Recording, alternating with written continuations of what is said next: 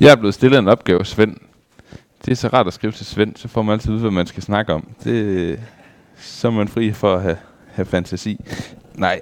Øh,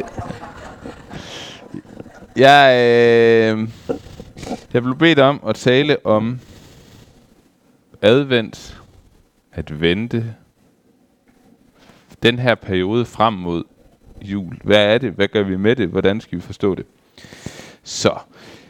Og øh, jeg blev bedt om at øh, bruge en tekst, inddrage en tekst, som vi skal læse sammen til at starte med. Romerbrevet kapitel 8, hvis nu man har en bibel, så må man da meget gerne finde den frem og læse med, enten elektronisk eller i fysisk form. Romerbrevet kapitel 8, vers 24 til 27. Der står sådan her. Til det håb er vi frelst. Men et håb, som man ser opfyldt, er ikke noget håb. For hvem håber på det, man kan se? Men håber vi på det, vi ikke ser, venter vi på det med udholdenhed. Og også ånden kommer os til hjælp i vores skrøbelighed. For hvordan skal vi bede, og hvad vi skal bede om, det ved vi ikke, men ånden selv går i forbøn for os med uudsigelige sukke. Og han, der renser hjerterne, ved, hvad ånden vil, for den går i forbøn for de hellige efter Guds vilje.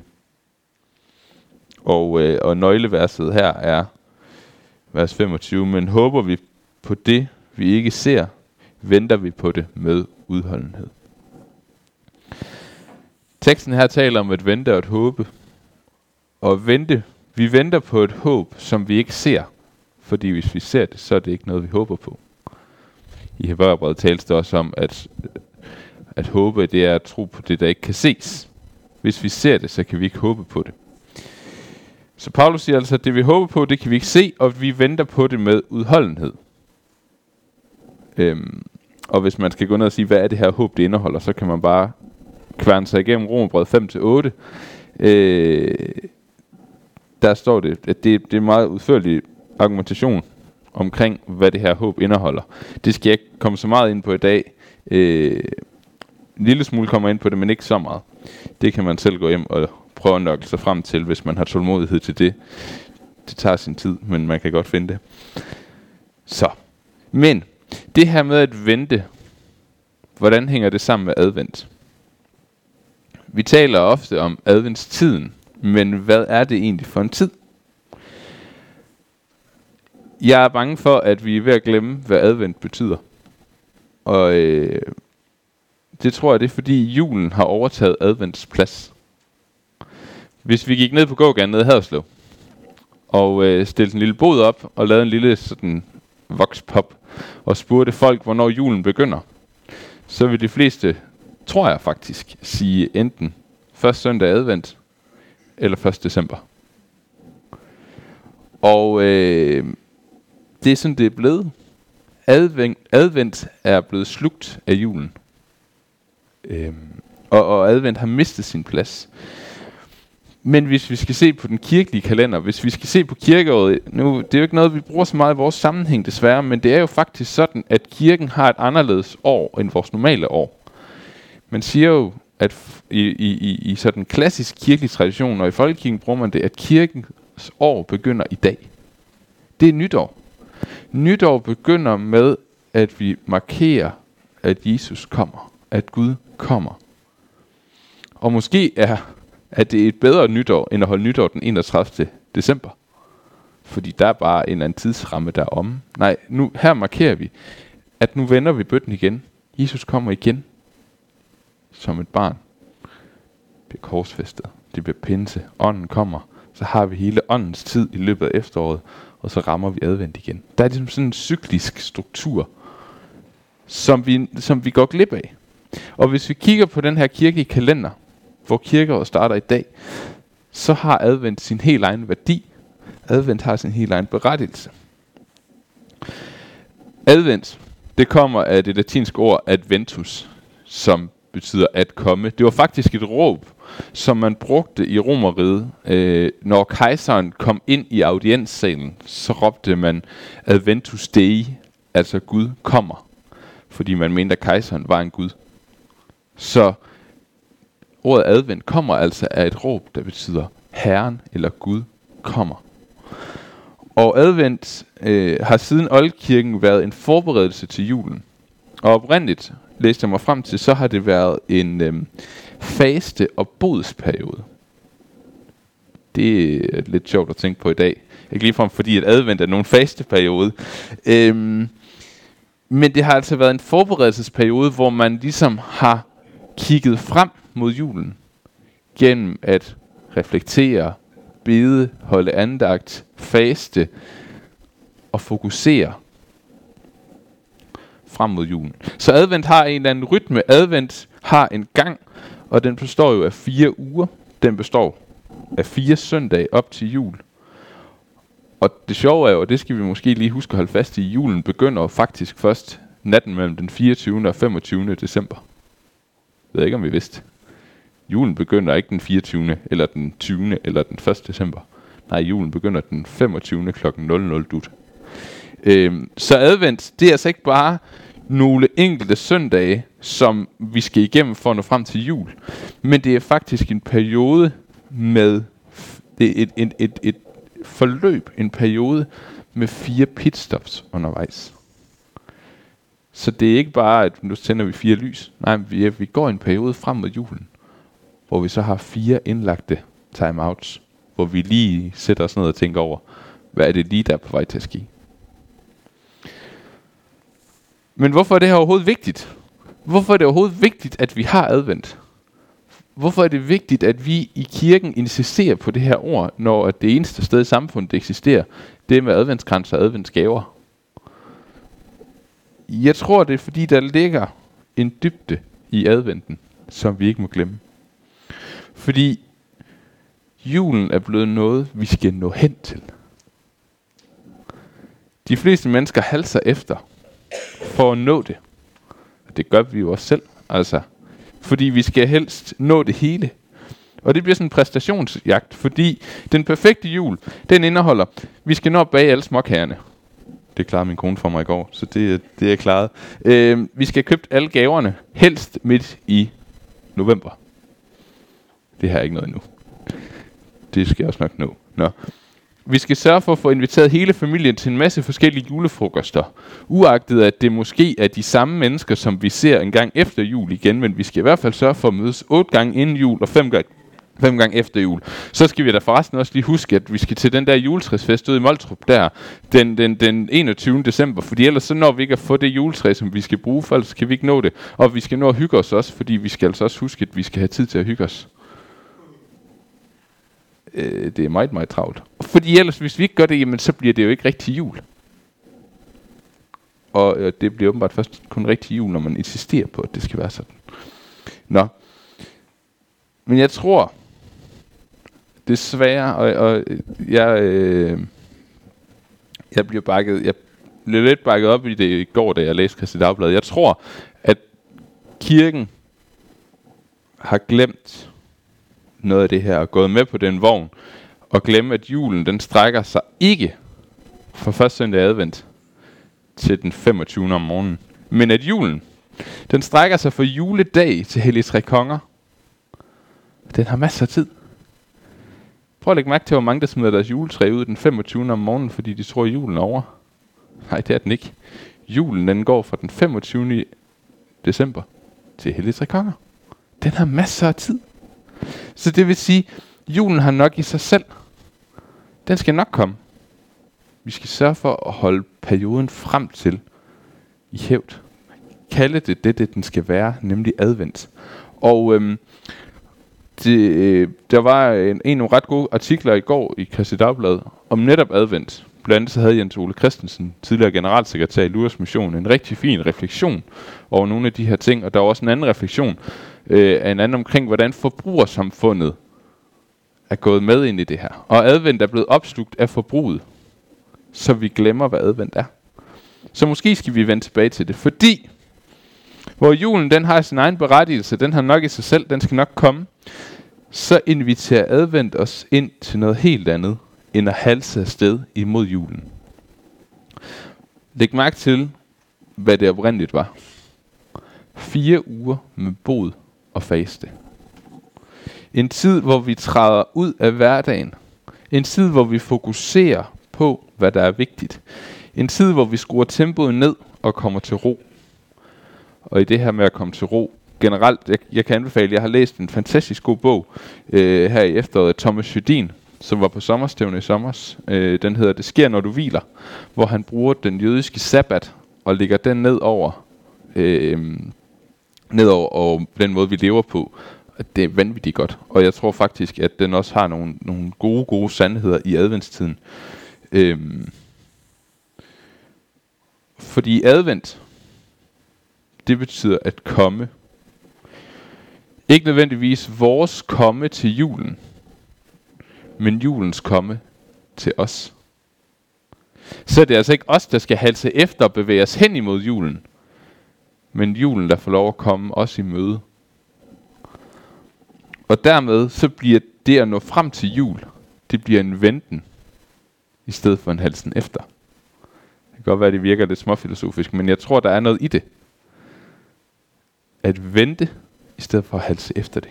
Fordi det skal nok nå at blive jul. Hvad enten vi har alle småkærne eller ej. Det bliver alligevel jul.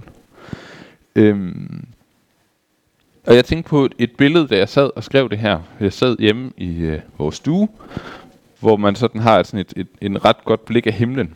Og det begyndte at blive magt. Og så tænkte jeg, advent er i virkeligheden som det gamle at holde mørkning. Eller holde skumring. Hvor man sidder, og mørket lige så stille kommer ind. Og det bliver aften. Og det bliver jo aften, lige meget om jeg sidder og venter på det eller ej. Men der sker noget i det at sidde og vente på og lade det blive mørkt. Fordi det tager det tid, det tager. Det tager den tid, det tager, at det bliver mørkt. Det er ikke noget, vi kan fremskynde. Det samme med jul. Advent tager den tid, den tager. Og det bliver jul den tid, det tager. Venten vi ønsker at fremskynde det eller ej. Så der er sådan en eller anden naturlig proces. Vi kan ikke få mørke til at skynde sig, og vi kan heller ikke få julens komme til at skynde sig. Den kommer helt af sig selv. Man bliver simpelthen nødt til at vente. Så der ligger altså noget i det her med, at advent, vi skal vente på adventen.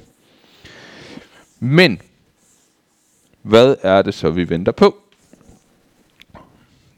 Vi går tilbage til Romerbrevet kapitel 8, og så tager vi lige 5-6 vers inden Romerbrevet kapitel 18, øh, kapitel 8, undskyld, vers 18 til 23.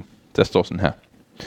Jeg mener nemlig, at lidelserne i denne tid, der nu er inde, er forintet at regne mod den herlighed, som skal åbenbares på os. For skabningen venter med længsel på, at Guds børn skal åbenbares. Skabningen blev underlagt tomheden, ikke fordi den selv ville, men på grund af ham, der gjorde det, og med det håb, at også skabningen selv vil blive befriet fra trældommen under forgængelighedens forgængeligheden og nå til den frihed, som Guds børn får i herlighed. Vi ved, at hele skabningen endnu sukker og vonder sig sammen. Og ikke alene det, også vi, der har ånden som første grøde, sukker, selv i forventning om barnekår, vort læmes forløsning. Det her billede, det er, det, det er de mest kraftige billeder, øh, jeg, jeg kan finde i, i Paulus' forfatterskab. Det her billede om skabningen, der venter efter Guds børn åbenbares. Det, det billedet svarer til en kvinde, der er lige inden sin fødsel. Øh, skabningen har vejer. Skaberværket venter på forløsningen, venter på, at Guds børn åbenbares. Skaberværket sukker efter, at Guds børn åbenbares. Og øh, skaberværket sukker på at blive befriet fra trældom. Øh, og det er den her trældom, som, som kommer med søllefaldet. Skabningen venter på, at alt det, som blev korrumperet, alt det, som blev ødelagt, det må blive genoprettet. Det er det billede, Paulus bruger. Skabningen er som en kvinde, der har vejer, efter at alting må blive genoprettet. Og på samme måde, siger Paulus, så sukker også vi, der har ånden, i venten om, at tingene må blive genoprettet.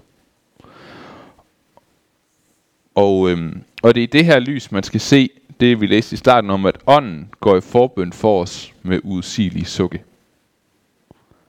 Altså, at i vores iver, vores længsel, vores brand, vores ønske om, at Gud vil genoprette verden, der går Guds ånd i forbøn for os. Og øh, det her tanke om, at Guds ånd går i forbøn for os med udsigelige sukke, det er typisk blevet brugt til at argumentere for en eller anden særlig bønsteori. Fordi vi gerne skal finde ud af, hvordan det her med bøn fungerer. Ellers så er der nogen, der har brugt det til at argumentere for tungetale. Øh, men jeg tror egentlig, det betyder noget andet i den her sammenhæng.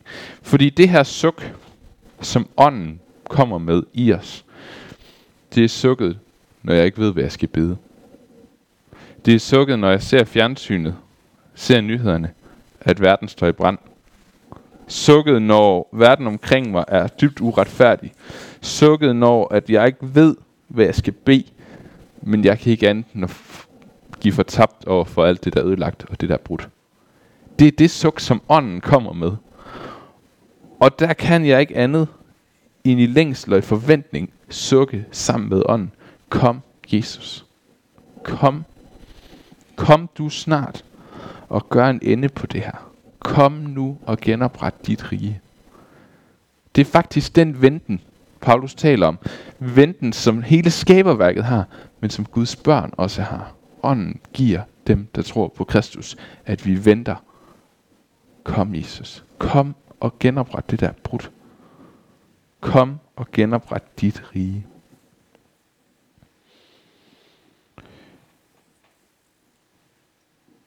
Når vi taler om advent som Kristi komme, så skal vi øh, tænke på to forskellige former for komme.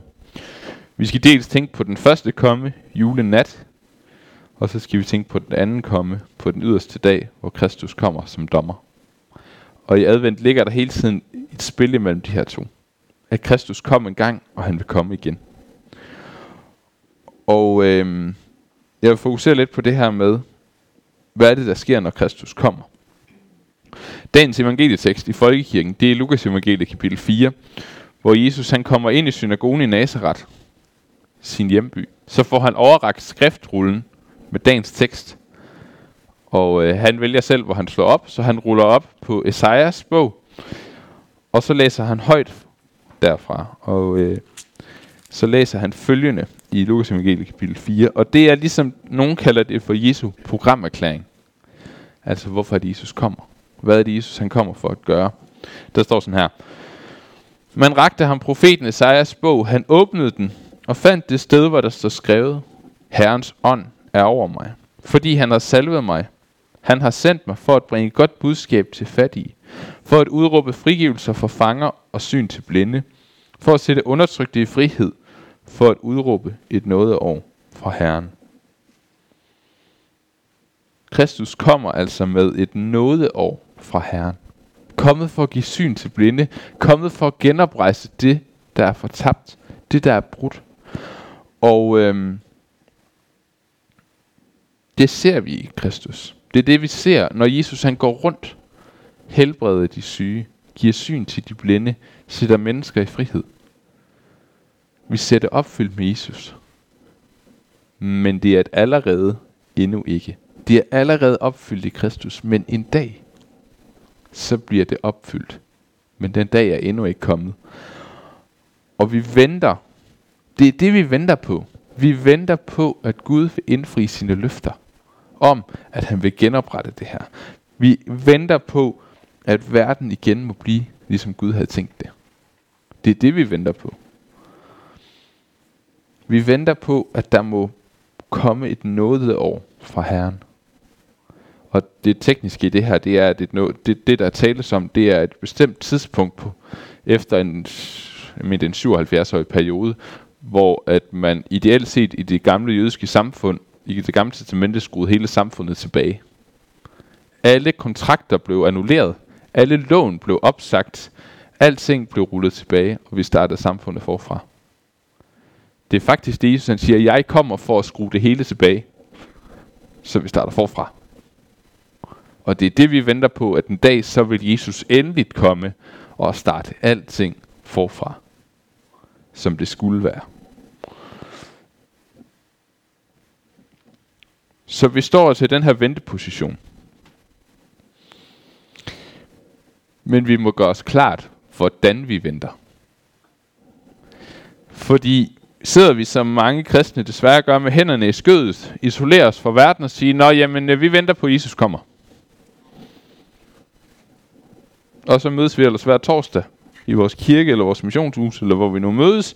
Og så minder vi hinanden om, at ja, han kommer heldigvis snart igen for denne ulækre, frygtelige, forfærdelige verden. Og øh, vi er godt nok så komperet af synd, men heldigvis så har Kristus gjort det hele. Det var da godt nok dejligt. Og så kan vi ellers vente på det. Eller venter vi på en anden måde? Venter vi ved at tage tanken, som Jesus kommer med i Johannes evangeliet, seriøst? Hvor han siger, ligesom faderen har sendt mig, sådan sender jeg jer.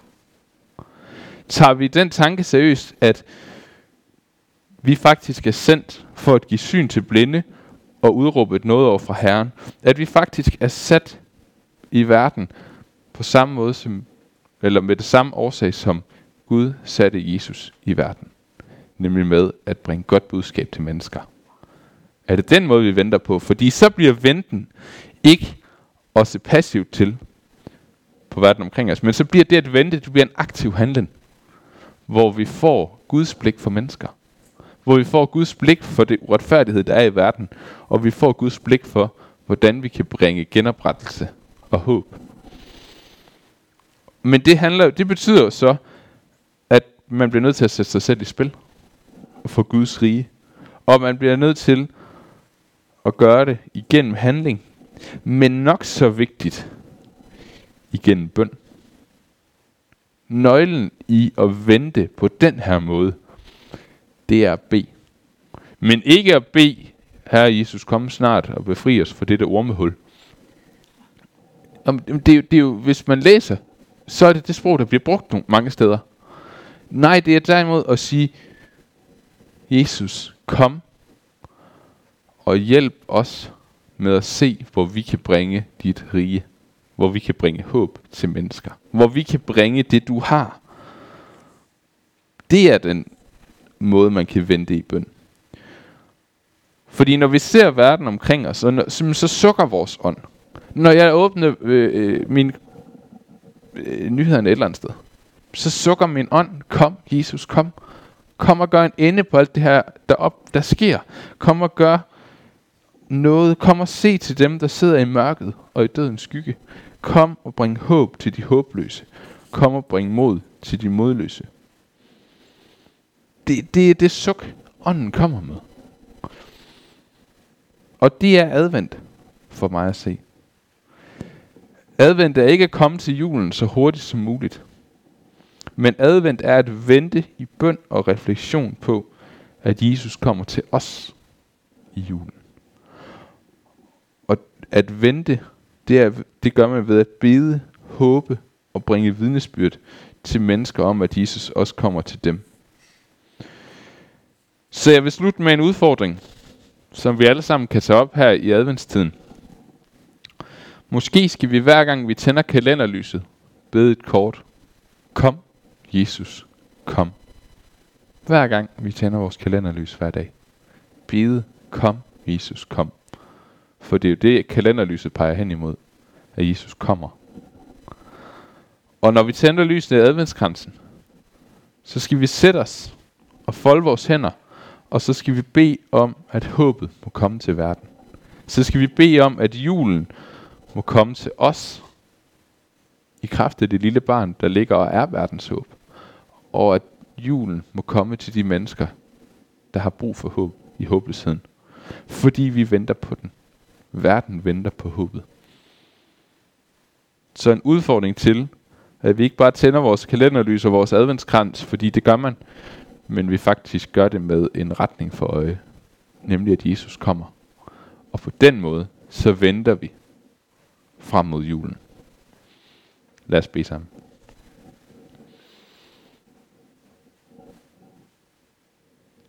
Jesus, tak fordi at du kommer. Du kommer til os som barnet i en krybbe. Ikke i højloftsale og i kongedragt, men som et barn i en ulækker og klam stald. Det er så ikke festligt. Det er så ikke håbefuldt. Det er så ikke modfyldt og glædesfyldt. Men du kommer alligevel. Og må vi lade dig komme til os. når vi venter på, at det bliver jul. Og må vi være med til at vise mennesker omkring os, at du kommer. Vi kan ikke komme til dig. Vi skal ikke komme til dig. Men du kommer til os. Du overskrider hele barrieren. Du overskrider hele dybet for at nå til os og frelse os. Jesus, må vi bringe et godt budskab til mennesker, der sidder i mørkets og dødens skygge om, at håbet er født til verden. Lyset har brudt igennem mørket. Og må vi være med til at bringe genoprettelse til den her verden, som længes håber på, at du kommer og genopretter dit rige.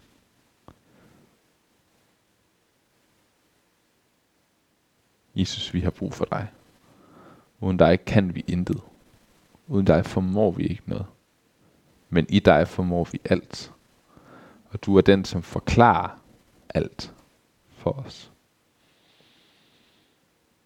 Så kom og lad adventen være en periode, hvor vi vandrer frem mod julen. Ikke halser efter den, men vandrer frem imod den samtidig med, at den kommer os i møde. Og lad det være en periode, hvor vi åbner hjertets dør for dig, Jesus, så du drager ind. Amen.